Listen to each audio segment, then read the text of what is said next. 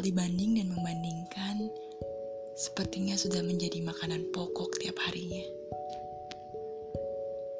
Ada saja tiap harinya entah itu karena diri kita yang sedang stres, terpuruk, banyak pikiran, serta cemas untuk suatu hal yang tidak perlu dipikirkan sebenarnya. Membuat kita membanding-bandingkan diri kita dengan orang lain bahkan dibandingkan oleh orang lain. Pernah terpikir tidak ketika kamu mati-matian menumbuhkan rasa percaya diri yang tinggi, mental yang kuat, ada saja orang-orang yang menjatuhkan rasa percaya diri dan mentalmu yang sudah kamu buat. Yang katanya sepele, tapi sangat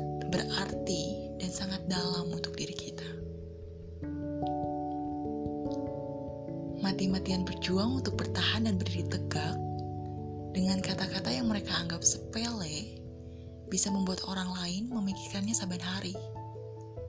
Menjelang tidur yang membuat overthinking, bahkan tidak tidur karenanya. Mengerikan bukan? bagaimana kata-kata atau hal yang sepele menurut mereka sangat membekas untuk kita. Membuat luka yang sulit disembuhkan. Luka dalam yang tak bisa dilihat. Mengering pun tidak.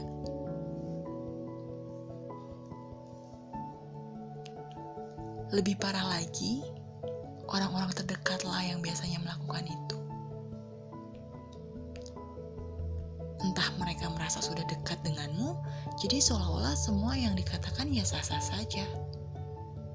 Padahal tidak. Mereka sudah dekat denganmu bukan berarti mengertimu kan? Harusnya sih seperti itu. Kenyataannya tidak.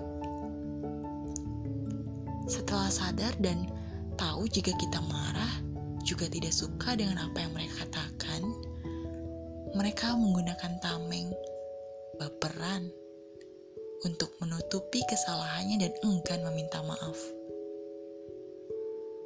Semenjak ada kata baperan, orang-orang lupa seberapa dahsyatnya kata maaf.